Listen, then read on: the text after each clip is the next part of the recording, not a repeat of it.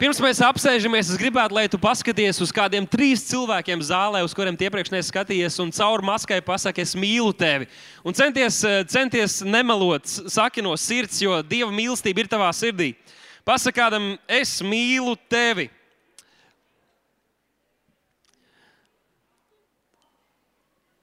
Daži ir ļoti enerģiski uzņēmējuši šo uzdevumu, citi jau apklusa pirms es beidzu uzdevumu dot bet katrs rīkojas saskaņā ar savu ticības mēru laikam. Prieks jūs visus redzēt, šodien ir īpaša diena, un, protams, nākot uz draugu, Valentīna dienā daudziem varētu rasties sajūta, ka noteikti runās par laulību, par attiecībām, par mīlestību. Salkani vai ne? Skan, cik var par to mīlestību runāt? Un šodien es gribētu runāt, un es ticu, ka Dievs ir ielis to manā sirdī. Es gribētu runāt vārdu, kuram es iedevu šādu nosaukumu - mīlestība darbībā. Pasakā kādam, mīlestība darbībā. Jūs jau zināt, ka Jānis, apustulis Jānis, pirmajā vēstulē viņš rakstīja, ka Dievs ir, palīdziet man, Dievs ir mīlestība, un Dievs vienmēr darbojas. Dievs vienmēr ir aktīvs, Viņš vienmēr rada, Tas nav kaut kas, šīs īpašības, kādas mēs novērojam radīšanas procesā, viņā nav kaut kas, ko viņš izvēlas darīt reiz pa reizē, kad, kad nu, galīgi vairs nav ko darīt. Viņš pēc savas būtības ir radītājs, viņš ir tas, kurš runā lietas, un tās kļūst, un tās top, un tas ir brīnišķīgi. Un turpat Jānis arī teica, ka mums vajag palikt mīlestībā, tad mēs paliksim arī viņā. Un tāpēc šodien es gribētu runāt par mīlestību, bet iespējams, ka nedaudz ar tādu citu ievirzi, kā ierasts. Paliec mīlestībā, un tu paliksi viņā. Un mēs varam to pagriezt otrādi, ka, ja tu paliksi viņā, tu paliksi mīlestībā. Jā, mīlestība, mīlestība latviešu valodā ir tikai viens vārds, kuru mēs lietojam, un pēc tam, protams, ir simpātijas un vēl citi vārdi, kas nav gluži tas pats vārds, bet, teiksim, grieķu valodā ir vairāki vārdi, kurus latviešu tulko kā mīlestība. Piemēram, tāds vārds kā eros no kura ir atvesināts vārds, manuprāt, arī erotika. Un, tā ir iemīlēšanās, tā ir romantiska mīlestība, tā ir laba.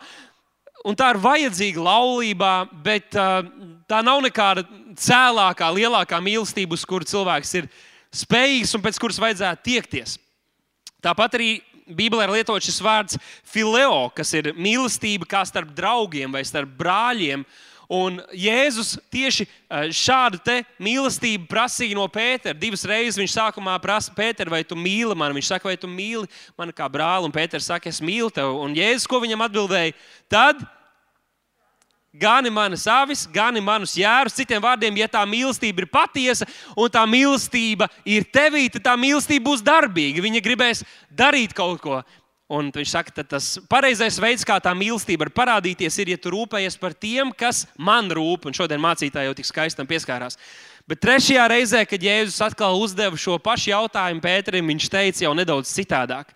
Un viņš teica, Pēteri, vai tu mīli mani? Un šoreiz viņš nelietoja vārdu fileo, bet viņš lietoja vārdu šo agapeo, kas ir agapas mīlestība, šī dievišķā beznosacījuma mīlestība. Un tad Pēters noskuma. Jo trešo reizi jau Jēzus viņam to prasīja. Viņš teica, tu jau zini mani, es mīlu tevi, es cenšos. Es, es, es cenšos tā būt. Un šī ir tā mīlestība, uz kuru mums vajadzētu tiekties, jo tā ir tā mīlestība, kā Dievs mums ir parādījis. Un cilvēcīgi tas nav iespējams. Cilvēcīgi tas nav iespējams, bet tādēļ, ka to mīlestību mēs esam piedzīvojuši. To, ko mēs esam saņēmuši, tikai to mēs varam dot. Tādēļ, ka mēs esam to piedzīvojuši, tādēļ mēs varam arī vismaz tiekties uz to, ka tā mēs varam mīlēt gan savu laulāto draugu, gan savus bērnus, gan savus kolēģus, gan tos cilvēkus, kurus mēs cenšamies aizsniegt un iemantot Dieva valstībai. Bet Bībelē diezgan daudz runā par mīlestību, un mīlestība nav svešs vārds kristīgajā leksikā. Mīlestība, mīlestība, mīlestība. Jūs jau dzirdējāt, Dievs ir mīlestība, mums vajag mīlēt, mīliet arī savus ienaidniekus, lūdziet par tiem. Uh, Es apstājos kādas raksturvietas, kas runā tieši par to, ka mums vajadzētu būt mīlestībā. Un lūk, daži piemēri.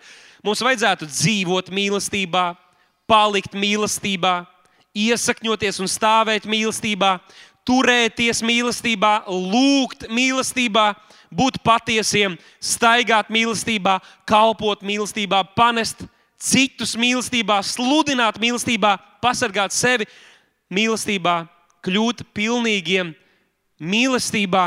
Un Galtiešiem 5.6. vispār ir rakstīts, ka Jēzu Kristu ticība darbojas, palīdziet man, mīlestībā. Wow!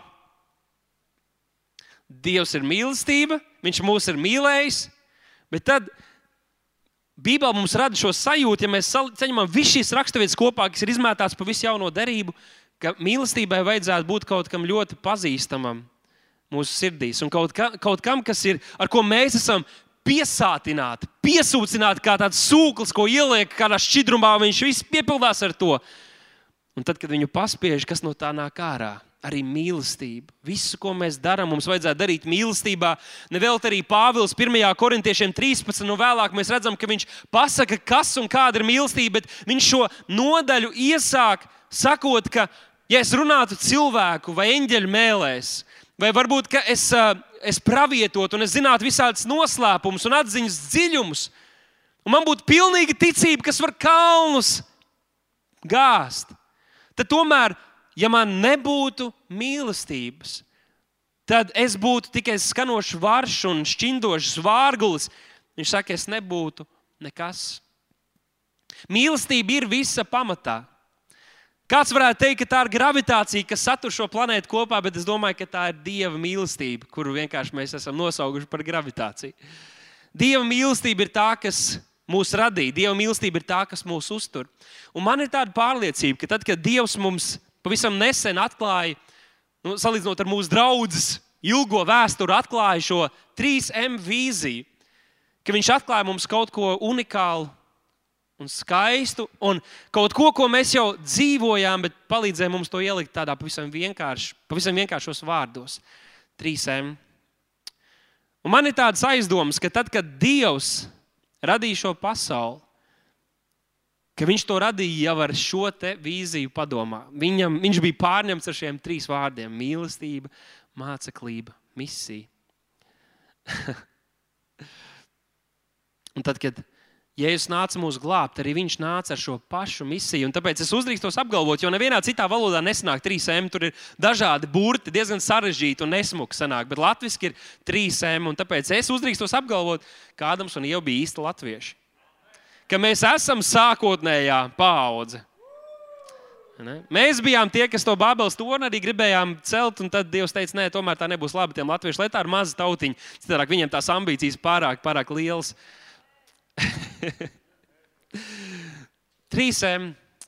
Un es ticu, ka šodien svētais gars, gars grib no jauna uzjundīt šo redzējumu, šo vīziju mūsu sirdīs, un varbūt tādā jaunā veidā to atvērt priekš mums katra. Jo es pats esmu Esmu par to domājis, es cenšos ar to dzīvot savā ikdienā, ne tikai svētdienās, bet savā ikdienā. Nes šo vīziju, un mums visiem to vajadzētu. Lai gan šobrīd šis logo, ja paskatīsieties labajā stūrī, ir nolikts malā, bet tā tam nevajadzētu būt. Šai vīzijai vajadzētu būt mūsu lūgšanas, mūsu domu centrā, mīlēt, mācekļot un aizsniegt cilvēkus Kristum. Un tāpēc pirmajā dievkalpojumā, kamēr bija slavēšana, man atnāca tāds, tāda, tāda ilustrācija, kā mēs varētu viens otram atgādināt par šo vīziju.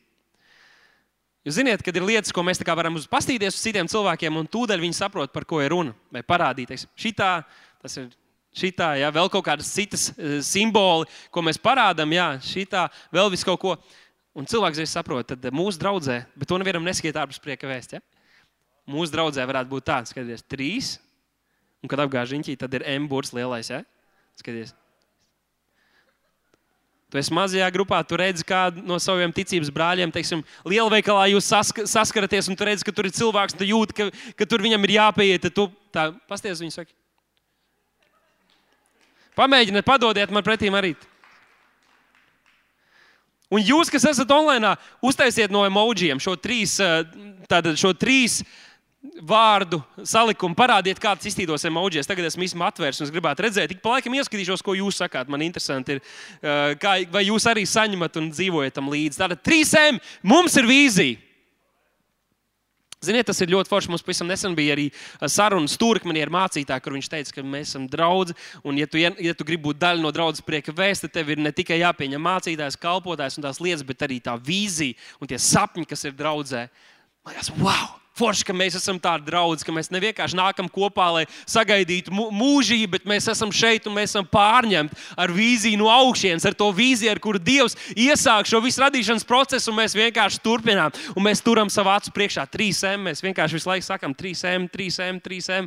Mēs gribam to izdzīvot, mēs gribam redzēt, kā līdz cilvēki piedzīvo Jēzu, viņam darbojamies ar katru vienu no mums. Vai tu tam tici? Vai tu to vēlēsies redzēt? Dosim Dievu godam! Diesim, dosim Dievam godu. dosim Dievam godu. Un tad nu iziesim cauri šiem trīs vārdiem un paskatīsimies, kā tas attiecas uz mums. Pirmais no tiem ir, kā jau teicu, viss pamatā mīlestība. Bez tā tas viss pārējais nedarbojas.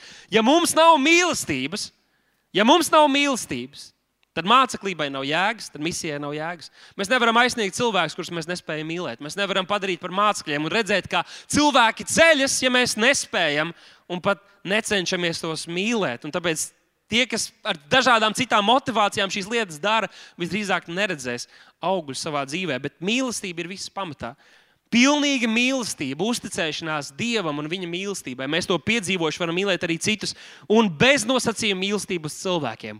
Wow! bez nosacījuma mīlestības cilvēkiem. Iedomājieties, ja mēs tā mīlētu citus. Tu nevari neko izdarīt, lai man sāpinātu. Tu nevari neko izdarīt, lai es beigtu tevi mīlēt, jo es tik ļoti gribu redzēt, kā tu tiec glābts. Agrīnās draudzes kristieši viņi liecināja cilvēkiem, kas viņu draugus bija metuši cietumos.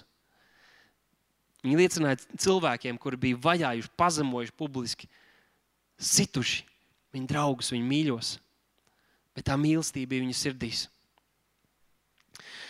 Un šeit es gribētu, kad mēs redzam šos trīs simbolus, kad tie mums parādītu šo mīlestības stāstu, un tad arī parādīt, kā mums šī mīlestība ir jāpraktizē. Un tas viss savilksies kopā, es ticu, kas Svētais Gars šodien mums to atklās. Un pirmkārt, mēs redzam, ka Dievs rada pasauli, Viņš to rada savas mīlestības dēļ. Bet arī tad, kad Jēzus atnāk šeit virs zemes, viņš kļūst cilvēkam līdzīgs, viņš pazemojas līdz pat krusta nāvei. Un varētu jau domāt, ka ar to pietika, ka viņš savu mīlestību bija pierādījis uz mums, tad, kad viņš kļuva cilvēkam līdzīgs. Iedomājieties, pats Dievs, visas pasaules radītājs, visuma. Uh, autors, kurš salika, iekārtoja visus šos sarežģītos debesu ķermeņus, viņš kļūst par vienu no mums, un viņš pavada laiku ar pīšļiem. Viņš runā ar pīšļiem, viņš mazgā viņu kājas, viņš parāda mīlestību, dod cerību ar to jau būtu pieticis, bet viņš nomira pie krusta Golgātā, uzņemdamies uz sevis mūsu grēkus, mūsu sodu, mūsu slimības. Viņš tika atšķirts no tēva. Viņš saņēma šo sodu, kas mums bija jāpiedzīvo, un viņa motivācija bija mīlestība. Tā bija mīlestība, kas viņu vadīja to darīt. Un Pavisam nesen es ar meitiņu mēs uh, lasām katru vakaru Bībeli, un pārunājam to nu, tādas mazas stāstīņas, bērnu Bībelīti. Un, uh, mēs la lasījām par šo Jēzus eh, krusta nāvi, un tur bija ļoti skaisti uzrakstīts, ka, ka daži, ka daudzi cilvēki domāja, ka tas bija nagls, kas turēja Jēzu pie krusta, līdz viņš nomira. Bet patiesībā tā bija mīlestība. Kurā katrā brīdī, ja Jēzum būtu apnicis, ja viņš būtu noguris, ja viņš būtu domājis, ko es te daru, viņš būtu pateicis vienu vārdu, un viss būtu beidzies viss būtu beidzies. Viņš pats teica saviem mācekļiem, es varētu pateikt vienu vārdu, un eņģeļu bataljonu nākt un iznīcināt manus ienaidniekus. Bet tas, kas viņu turēja pie krusta, bija mīlestība. Viņš parādīja savu mīlestību. Tad, kad mēs vēl bijām grēcinieki, viņš ir pierādījis savu mīlestību uz mums. Bez nosacījuma mīlestību mēs nebijām pelnījuši neko, bet sodu. Viņš mūs ir mīlējis. Bet tas nav viss. Viņš ne tikai nomira un augšām cēlās, bet tad, kad viņš devās prom, viņš teica, tas jums par labu, ka es aizēju. Jo es sūtīšu citu aizstāvi, kas ir tāds pats kā es, tikai cits. Un viņš būs ar jums visiem ik brīdi līdz pasaules galam. Un tam ir vasaras svētku dienā atnāks svētais gars. 120 ticīgie sapulcējušies augšas dabā, viņi ir nobijušies, viņi ir redzējuši vajāšanas, redzējuši to, kas notiek pasaulē. Ir vētra, ir bailes, ir lietas, ir pretinieki, ir pretestība. Viņi ir nobijušies. Viņi ir augšstabā, viņi lūdz, viņi sauc Dievu, kas ir tālāk, ko mums darīt. Kā lai mēs dzīvojam šo kristiešu dzīvi, par kuru Jēzus runāja, līdz pēkšņi svētais gars nonāk par viņiem un viņi kļūst drosmīgi un viņi kļūst piepildīti ar Dievu pilnību. Viņi izmainās. Svētais gars ir Dieva mīlestības pierādījums. Dievs tevi mīl, tāpēc Viņš ir devis tev svēto garu. Viņš grib tevi piepildīt ar svēto garu, ja tu vēl to neesi saņēmis. Lai ne tikai tu gaidi mūžību, kad kādu dienu tu nonāksi debesīs, bet lai šeit virs zemes tu vari dzīvot viņa valstības piepildītu dzīvi. Jēzus teica, tu klāt ir pienākusi Dieva valstība. Tā kā roka aizsniedzam mācītājs pagājušajā svētdienā ļoti labi par to runāja. Tā kā roka aizsniedzam, tas ir caur svēto garu. Tas tev ir pieejams, draugs draudzene, tas tev ir pieejams. Svētais gars, Bībelē saka, ka viņš ir kā ķīla mums dots. Ka tas, par ko Jēzus ir teicis, tas, kas stāv rakstīts Bībelē, ka tā ir patiesība, ka tas notiks. Un līdz tam svētais gars ir mūsos kā ķīla, ka visi tie vārdi piepildīsies. Svētais gars ir Dieva mīlestības pierādījums mums. Bet vai nevarēja būt tas arī ar, ar to arī pietikt? Šis evaņģēlijs tika pasludināts, Svētais gars, cilvēki to saņēma un pēc tam nodeva arī citiem, un aizvien citi tika kristīti svētajā garā, tiekot glābti. Bet Jēzus izdarīja vēl kaut ko, kā viņš pierādīja savu mīlestību uz mums, un viņš dzemdināja draugu. Kristus mums dāvāja draugu, un arī draudzene ir Dieva mīlestības pierādījums uz mums. Katru reizi, kad mēs esam kopā, katru reizi, kad mēs sapulcējamies mazākā vai lielākā pulkā, kad mēs sanākam lielā sapulcē, Dievu pielūgt un slavēt, mums ir jāapzinās, ka tas ir Dieva mīlestības pierādījums, ka mēs neesam vieni. Jā, svētais gars vienmēr ir ar mums, bet ir tik labi, ka ir līdzās kāds brālis un māsa, kas tic par tevi, kas stāv par tevi, kas cīnīsies par tevi, kas, ja vajadzēs, korģēs un iedrošinās tevi. Un Dievs mums to ir dāvājis. Dievs savu mīlestību uz mums ir pierādījis, bet kā lai mēs izdzīvojam šo dievišķo mīlestību? Un es ticu, ka atkal mēs varam raudzīties uz šiem trim simboliem. Pirmais ir šis krusts, kur Jēzus teica, ja tu gribi man sekot, tad aizliedz sevi, ņem savu krustu un seko man. Un tad, kad mēs piedzīvojam Dieva beznosacījumu mīlestību, un viņa glābšanu, mēs sakām, Dievs, es arī atdodu savu dzīvi tev. Es negribu dzīvot sevi, es negribu dzīvot savām cilvēciskajām ambīcijām. Es negribu dzīties pēc tiem mērķiem, kurus man piedāvā šī pasaule. Es atdodu to visu, lai iemantotu visdārgāko pērli. Es gribu sekot tev. Lūk, tas ir tas mīlestības ceļš. Mīlēt tā, kā viņš ir mīlējis. Mīlēt viņu, bet mīlēt arī viņu cilvēkus, mīlēt arī savu dzīvi, mīlēt sevi, tās dāvanas un aicinājumu, ko Dievs ir līdz tavā sirdī, dzīvot saskaņā ar to, nepārdot to sīk naudā, dzīvot priekš viņa. Atdot savu dzīvi. Otrakārt, mēs redzam, ka mums ir svētais gars, jo cilvēcīgi tas nav iespējams. Cik daudz jūs esat centušies beznosacījumu, ar beznosacījumu mīlestību mīlēt kādu cilvēku? Vai tas ir tavs dzīves draugs vai bērns? Ir reizēm, kad tev bērni var būt ļoti jauki un ļoti labi, bet ir brīži, kad tev gribētos nedaudz viņus saspiest, iespiest kaut kur durvīs vai ko. Cik daudz vecāku var teikt, amen, ka tā ir kādreiz? Daži kautrīgi, nu jūs visi esat. Lai Dievs ir žēlīgs, ja jūs tā melojat pat Dieva namā, kā saka. Ir taču tādas reizes, bet mums ir jāsmeļās dziļākos avotos, jo cilvēcīgi mēs nespējam. Kāds varbūt ir mierīgāks pēc savas dabas, kāds ir ātrāks, bet ja mēs patiesi mīlētu arī tos, kas mūs vajā, tos, kas mūs apsmēj, nevis, at, nevis atbildēt ar zobs pret zobu, zobens pret zobenu, bet ar mīlestību, ar, ar iežēlošanos. Lūk, tas ir tas, kur mums vajag smelties Un tikai svētais gars var raisīt šo vaļā mūsu dzīvēm, un mums ir kur tiekties draudz arī tajā. Un draudze, draudze ir vieta, kur mēs trenējamies. Tā ir treniņa zāle, kur mēs strādājam ar šiem mīlestības, mīlestības muskuļiem. Cik daudz jūs varētu piekrist, teiksim, kad ja tu aprecies, tad mīlēt savu dzīves draugu. Ir vieglāk, reizēm varbūt tas ir grūtāk, bet tev nav izvēles. Tev vienkārši tas ir jādara. Bet draudz, draudzē ir cilvēki, kurus tu neesi izvēlējies. Tu negribēji būt ar viņiem. Varbūt, kad tu biji skolā, kaut kad tu cerēji, ka viņš kādu citu draugu aizies. Bet viņš ir šeit, un jūs esat daļa no vienas lielas ģimenes. Esmu runājis ar mazo, mazo grupu vadītājiem, bijis mazajās grupās, un tur sanāk vīri un pat izveidos ļoti labas personīgas attiecības un draudzības starp cilvēkiem, kur nu, mums pašiem ģimenē ir draugi. Mēs, mēs darām kaut ko kopā, un mēs saprotam, ka, ja mēs nebūtu draudzēji, ja mēs nebūtu atraduši Dievu, mums vispār nebūtu nekas kopīgs. Mēs nekad nebūtu bijuši draugi. Bet Šī ir vieta, kur mēs mācāmies mīlēt, kur mēs mācāmies panest, kur mēs trenējam šo muskuli. Vienam patīk skaļi, vienam patīk klusi, vienam patīk ātri, vienam patīk lēni. viens gan aizmiega, otram, kāpēc tik ātrs nepaspēja pierakstīt un tā tālāk. Tāpēc mums ir tehniskie risinājumi. Noskaties mājās, vēlreiz noklausies Spotify, viss ir iespējams. No, nosēdies vietā, kur druskuļi klusāk, nosēdies vietā, kur skaļāk. Mēs par visu cenšamies darīt, un tomēr šī ir izaicinoša vieta. Tas ir izaicinoši mīlēt šādus ticīgus brāļus. Jo citu kļūdas mēs redzam, slavēšanā, dievkalpojuma laikā mēs redzam, ka viņš ne, neslavē tik enerģiski, kā vajadzētu.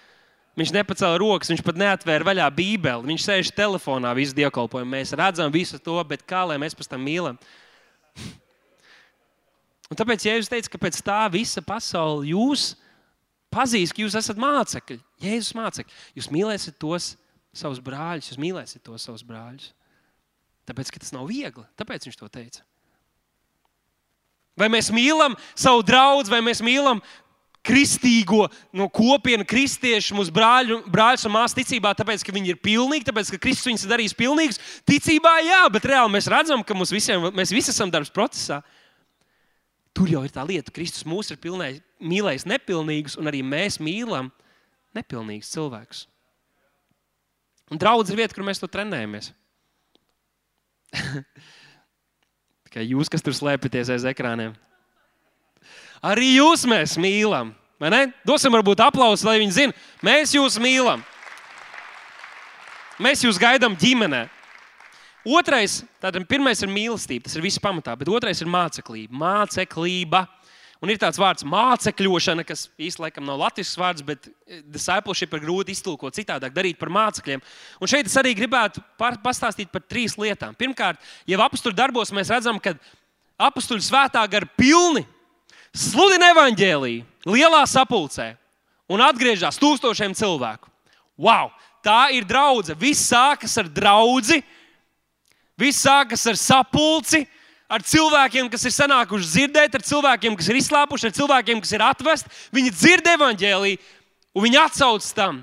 Viņi liek, liekas kristīties. Tas ir pašs viss sākums. Te ir rakstīts, kas viņu vārdus uzņēma, tos kristīja, un tajā dienā tiem pievienojās ap 3000 dvēseli, apstākļu darbu 241. Bet nākamajā pantā rakstīts, un tie pastāvēja apstuļu mācībā, sadraudzībā, maizlaušanā un lūkšanā. Tātad katru dienu regulāri pievienojas simtiem tūkstošiem cilvēku. Jā, tās laikam bija mazas draudzītas, jā, ja tā ir viena pilsētiņa. Tas ir mazs draudzīts. Tūkstošiem cilvēku.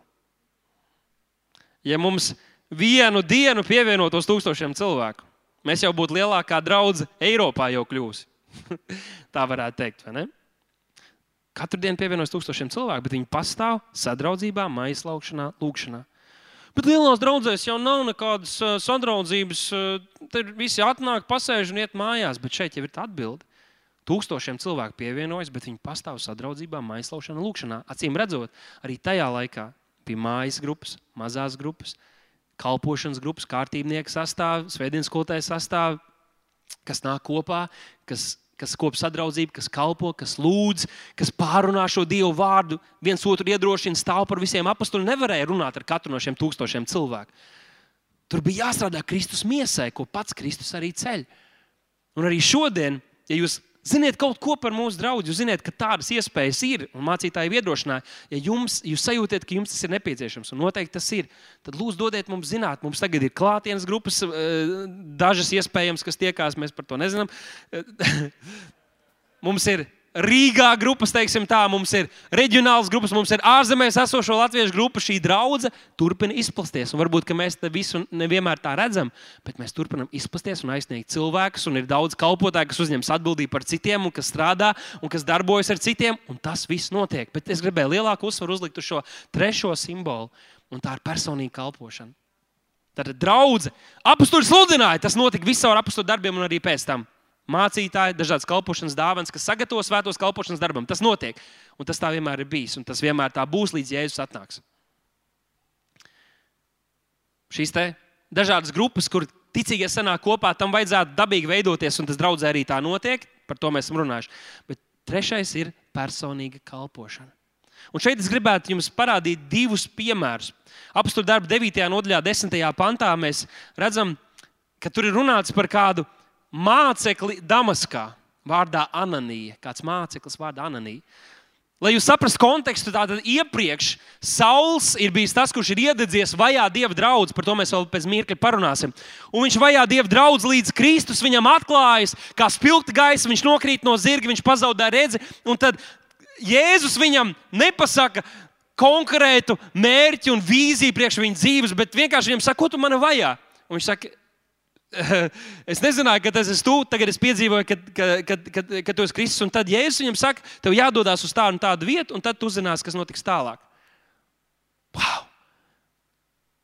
Kāpēc toreiz, kad Dievu viņš piedzīvo tik spēcīgu Dievu, viņš ir tā iespaidots? Kāpēc Jēzus viņam uzreiz nepasaka, es esmu izredzējis tevi un nepasaka viss, kas viņam vajadzīgs, tā kā Mozus kalnā, un lai viņš tālāk iet un sludina? Kāpēc?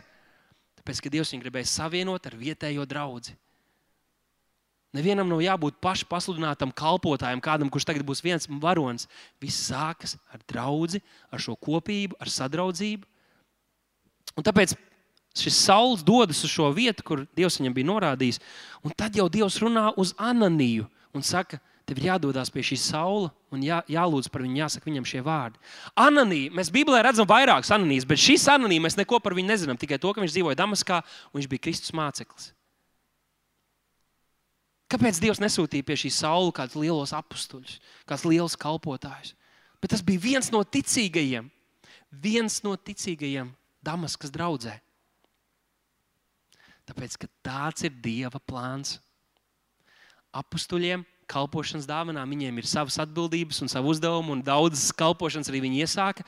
Bet šeit Dievs gribēja viņu savienot ar vietējo draugu un lietot šo, šo ticīgo vīru Ananiju. Mēs neko vairāk par viņu nezinām. Vienīgais, ko mēs varam secināt, ir, ka viņš bija svētā gara vadīts, piepildīts Jēzus Kristus sekotājs, kurš nodzīvoja savu dzīvi, teicam, par viņu nekas vairāk nav rakstīts.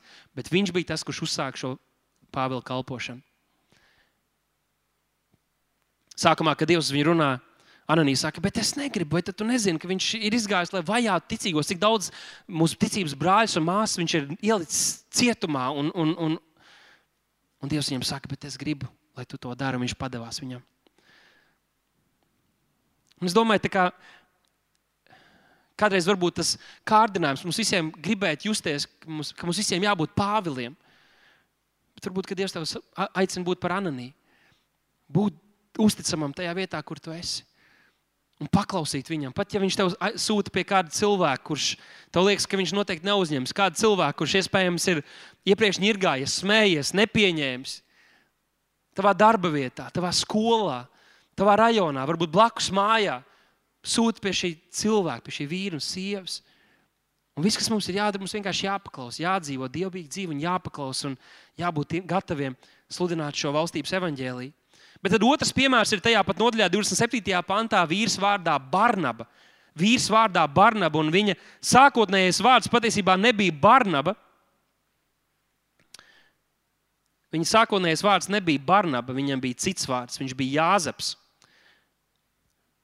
Un tad, kad Pāvils tagad ir atnācis pie šīs atklāsmes, un viņš vēlas tagad iet nu pie apstuļiem un iesaistīties visā kalpošanas darbā, tad apstuļi ir nedaudz bīstās un negrib viņu uzreiz laist klāt, atceroties par visu, kas ir noticis. Redziet, apakšā mazliet izbijušies. Bija.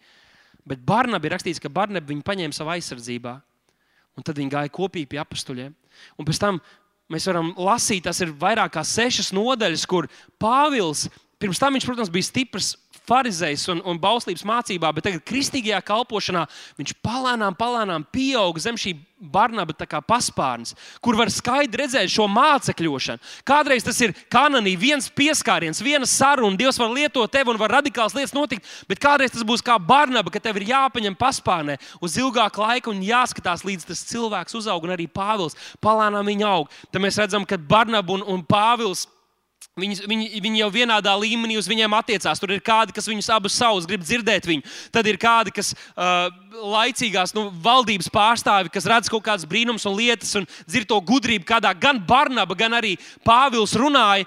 Un, un, un viens saka, tas ir, uh, tā, ka, ka Barnaba ir Zevs un Pāvils ir uh, Hernejs, kas bija dieva, uh, dieva, dievu vēstnesis uh, tā, tā laika pagāniskajās tradīcijās, jeb ticībās. Un, Tāpēc, ka Pāvils laikam bija drusku prasmīgāks runātājs par Barnabu, bet viņi abi krīt pie, uz, uz vaigu. Viņi saka, nē, nē, mēs esam tādi paši cilvēki kā jūs, un mēs redzam, ka šī kalpošana Pāvils lēnām paceļās, un viņa, viņa mugurkauls, izaug, un izpratne arī tajās lietās izaug, un Barnaba visam tam darbojas līdz, līdz ja nemaldos, 15. Ja nemaldos 15. Uh, nodaļā, viņu ceļi šķirās.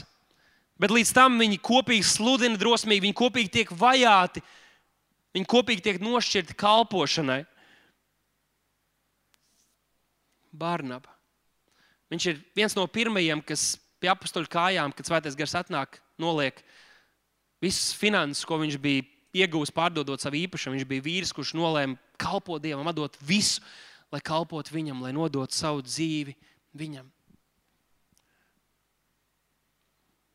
Varbūt, ka tu esi aicināts būt tāds Barnabas šajā draudzē.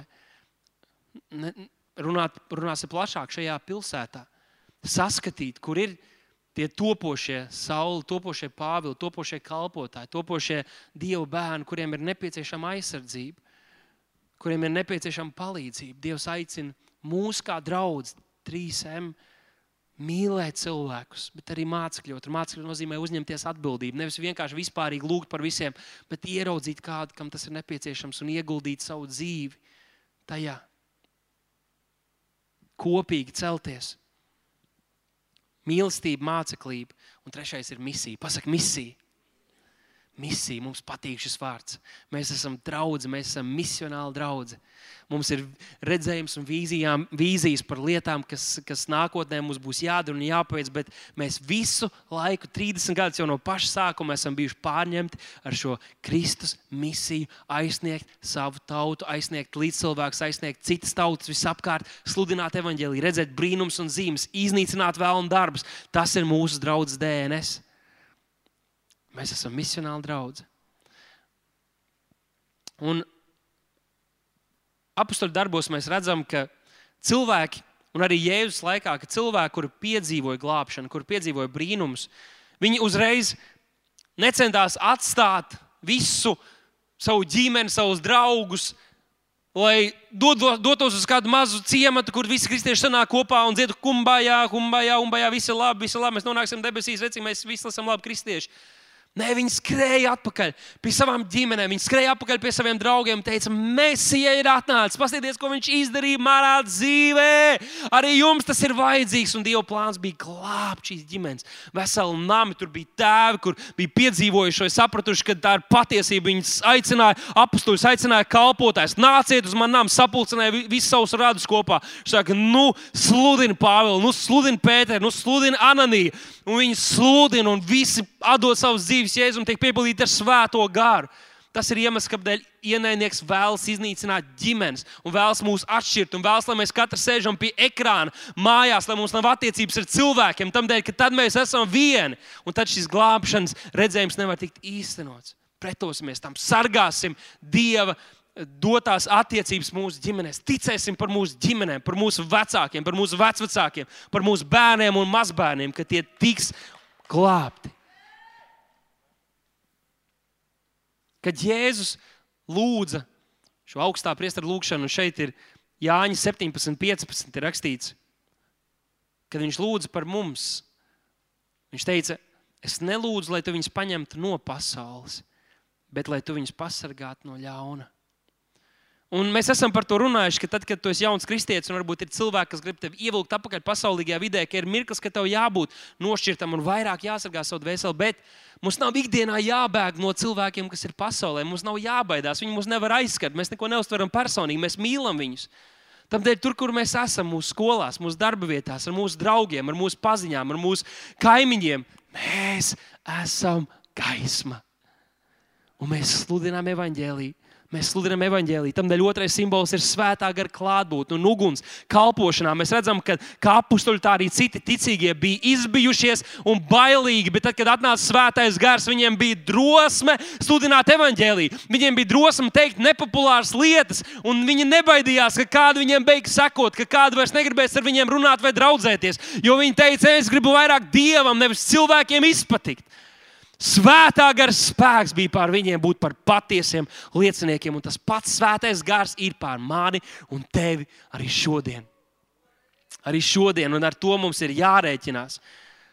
Bet trešais un punkts, kur es gribētu vēl uzrādīt, ir, ka viņi sludina evaņģēlīju. Marka evaņģēlīja 16. nodaļā ir teikts, ka Tad, kad Kristus tika uzcelts debesīs, tad tie, kas viņu bija dzirdējuši, viņi tika izsūtīti, viņi devās, viņi mācīja visās malās. Tas kungs viņiem darbā palīdzēja ar līdzjošām zīmēm. Bet pirms mēs skatāmies tā ļoti uh, sapņaini uz to laiku, kas bija agrīnējai draudzēji piedzīvots, gribētu, ka mēs saprotam nedaudz kontekstu. Jo nebija viss tik labi, kā var šķist 120 augšstabā. Viņi visi bauda sadraudzību, svētais gars nāk pār viņiem, un tad viņi iet un sludina, un viss atgriežas. Bija liela pretestība. Bija daudz, kas atgriezās, bet bija liela pretestība. Un to mēs redzēsim apstākļu darba 8. nodaļā, 1. pantā.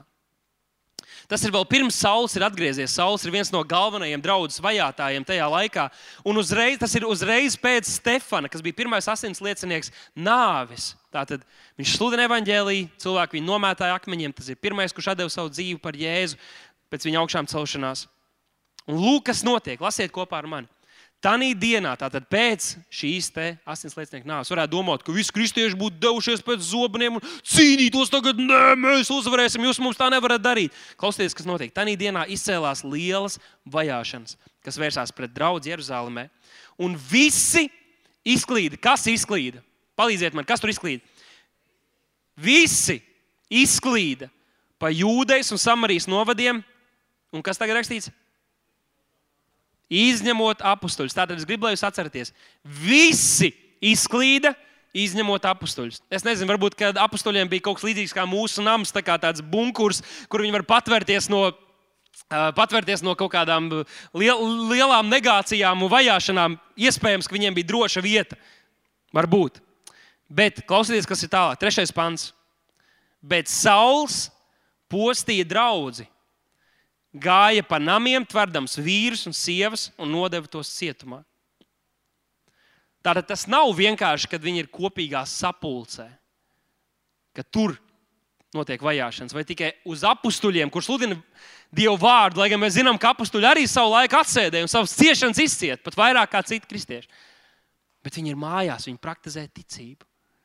Viņiem ir mazās grupas, lūkšanas grupas, viņi nāk kopā, viņi dzīvo saskaņā ar šo 3M vīziju. Sauls un citi ķer viņus ārā un liek cietumos. Tas ir liels vajāšanas, bailes, kurām vajadzētu būt. Ja loģiski spriež, bailēm vajadzētu būt pār viņiem. Bet klausieties, 4. pantā, kas ir rakstīts, un tas mums ir šodien jāierauga, draugi. 4. pantā rakstīts, pēc visa šī vajāšanas viņš rauj no namiem ārā, cietumos ir iekšā. Viss ir izklīdināts. Tā tad nav iespējams arī visiem kopīgi sanākt kopā. 4. pantā rakstīts, bet izklīdinātie staigāja apkārt, sludinādami evaņģēliju. Mēs zinām, ka apstuļi sludina evaņģēliju, bet apstuļi nebija izklīdināti. Izklīdināti bija tie ticīgie. Kāds bija pavisam nesen atnācis pie Kristus, atdeva savu dzīvi, viņam piedzīvoja svētā gara spēku. Varbūt neko daudz vēl nesaprata. Bet viņš gāja apkārt, staigāja apkārt, sludināja evaņģēlīju, riskējot ar savu dzīvību, riskējot pazaudēt savu brīvību. Bija kādi, kas bija gadiem ilgi sekojuši Kristum, pēc tam piedzīvojuši augststabām vai vēlāk svētā gara kristību. Viņi staigāja apkārt un sludināja evaņģēlīju. Lai Dievs nedod, ka mums kādreiz jāpiedzīvo kaut kas tāds, ko piedzīvo agrīnā, agrīnā draudzene. Šīs vajāšanas, ticības dēļ. Bet kamēr tādas mums nav, Svētais gars viņus darīs spējīgus, drosmīgus un stiprus staigāt apkārt, sludināt evaņģēlīju. Tad, kad viņi tiek vajāti un riskēja ar visu, mēs vēl dzīvojam tādā žēlastības laikā un vietā. Un Dievs šodien mums saka, ka tas pats svētais gars ir arī pār mums būt par asins lieciniekiem, ja nepieciešams, bet lieciniekiem arī labā laikā lai mēs staigātu apkārt un sludinātu evaņģēlīju. Pārsludināt evaņģēlīju, veidot tiltus ar cilvēkiem, veidot attiecības ar viņiem, mīlot viņus, esot gatavi darīt par mācekļiem. Ja pat viņi vēl nav gatavi tam vienkārši mīlot un lēnām, lēnām ceļot viņu ticību un atraisot šīs slāpes pēc Dieva darbiem un Dieva palīdzības viņu dzīvē. Mēs kā draugi arī pēdējā laikā esam centušies aktivizēties internetu vidē. Tā, tā ir vide, kur ir daudz cilvēku. Mēs gribam veidot liecības ar jūsu stāstiem, ko, kā Dievs ir pagodinājies jūsu dzīvēm, lai aizsniegtu cilvēkus un lai tie ir rīks, ko jūs varat lietot un Dievs var lietot, lai aizsniegtu cilvēkus un vest viņus pie sevis. Bet tā ir mūsu katra personīga izvēle. Un ziniet, ko tas viss mums parāda? Šis 3M vīzija, Ananija, Barnaba. Šie izklīdinātie, kas iet un sludina, kas nav apstuļi, apstuļi arī to darīja, bet arī ticīgie to darīja. Ziniet, ko tas mums parāda? Ka tu esi Dieva izvēlētā metode. Tu esi Dieva izvēlētais ierocis. Tu esi viņa plāns A. Saka, es esmu plāns A. Jau no paša sākuma Dievs bija izlēmis lietot tos, kas šajā pasaulē ir varbūt nicināmi, varbūt ir kādi, kas nedomā par tevi vai par mani lielas domas. Varbūt arī par tevi domāju, tu biji kaut kas liels un varants pasaulē, bet tad, kad tu devi savu dzīvi Kristum, tu esi piedzīvojis kaut kādas savas, sava paštēla kritumu kādu cilvēku acīs, tomēr Tas nozīmē, ka Dievs tevi ir izredzējis, lai liktu kaunā tos, kas ir lepni, kas ir sacēlušies pret Dievu šajā pasaulē. Dievs tevi ir izredzējis. Draugi, tā ir privilēģija, tā ir tā uguns, kas mūsos deg jau 30 gadus un vairāk. Dievs ir izredzējis katru no mums. Mēs vēlamies redzēt, kā līdz cilvēki piedzīvo Jēzu, viņam darbojamies caur katru vienu no mums. Mēs negaidām uz citiem, mēs negaidām uz to un to un to kalpotāju. Mēs ticam, ka Dievam ir plāns priekš mūsu dzīvēm, kas ir vairāk par to, ka mums ir jāpastrādā un jāpēd un jāatnāk svētdienā uz dievkalpojumu. Mēs esam šeit, jo Dievs mūs piepilda un ekipē un aizdedzina un sagatavo, lai mēs ietu un spīdētu. Viņš to dara caur savu gāru, viņš to dara caur savu vārdu. Jā, tas ir cilvēks, kas no platformas runā, un tomēr svētais gars šo vārdu padara dzīvu un spēcīgu. Tas iespiež tavā sirdī, un es zinu, ka ir cilvēki, kas ir aizskarti jau šajā brīdī. Šis vārds ir priekš tevis. Šis vārds ir priekš tevis. Ja tu mīli mani, gani manas avis, gani manas ģērus, rūpējies par to vīziju, par to uzdevumu, ko es esmu devis, par šo uzdevumu, par šo misiju. Tu esi viņa plāns Tu neesi atkāpšanās variants, tu esi viņa pirmais variants. Pirms viņš pasauli radīja, viņš tevi Kristu izredzēja. Lai tu šodien būtu šeit, lai tu atsauktos viņa aicinājumam. Viņš tevi ir nolicis tajā vietā, kur tu esi, vai ir grūti, vai ir viegli, vai ir smagi, vai ir priecīgi. Viņš tevi ir nolicis tur, lai tu pagodinātu Kristu. Un kā dienu Pāvils Teslonikas draudzē, Teslonikas draudzē, pirmajā vēstulē, otrajā nodaļā, viņš rakstīja viņiem šādus vārdus: Jūs paši zināt, brāļi, kāds bija mūsu darba sākums pie jums, ka tas nebija bez panākumiem. Tātad, tajā, kad tā draudzene sākās, tur viss bija labi. Pēc mūsu iepriekšējām ciešanām un apvainojumiem Filipos, tātad viņi bija centušies, viņi bija darbojušies, viņi bija saskārušies ar vajāšanām, ar ciešanām, ar apvainojumiem. Bet pēc tam viņa neapstājās. Viņa tur neapstājās. Viņa turpināja rīkoties. Viņa turpināja strādāt, viņa redzēja panākumus. Klausieties, ko viņš tālāk saka. Tātad šie apvainojumi ciešanas, kas jums ir zināmas, mēs mūsu dievā smēlāmies drosmi, lielā cīņas priekā sludināt jums dieva evaņģēliju. Viņš saka, kā tad mēs piedzīvojām šos panākumus? Iepriekš bija ciešanas, bija grūti, bija apvainojumi, bet bija negatīva pieredze, bija smagi, bija zemas domas par sevi un to, ko Dievs ir spējīgs darīt caur mani, tajā konkrētajā vidē, kur es esmu. Viss tas bija. Viņš saka, bet mēs mūsu dievā smēlāmies drosmi, lielā cīņas priekā apstuļiem drosmi netrūka. Un tomēr viņš teica, rakstīja draudzēm, lūdziet par mums, lūdziet par mums, lai mums ir drosme sludināt Kristus evaņģēlīju. Un šeit viņš saka, mēs smēlāmies drosmi mūsu Dievā, lielā cīņas priekā. Klausies! Es ticu, ka šodien Dievs grib dot mums drosmi, un mēs lūgsim, un lai tā lūkšana mūs pavadītu šajā nedēļā, dzīvot drosmīgi, dzīvot drosmīgi kā Dieva bērniem. Bet otra lieta, ko mēs te redzam, ir cīņas prieks. Mēs nebēgam no cīņām, mēs priecājamies par cīņām.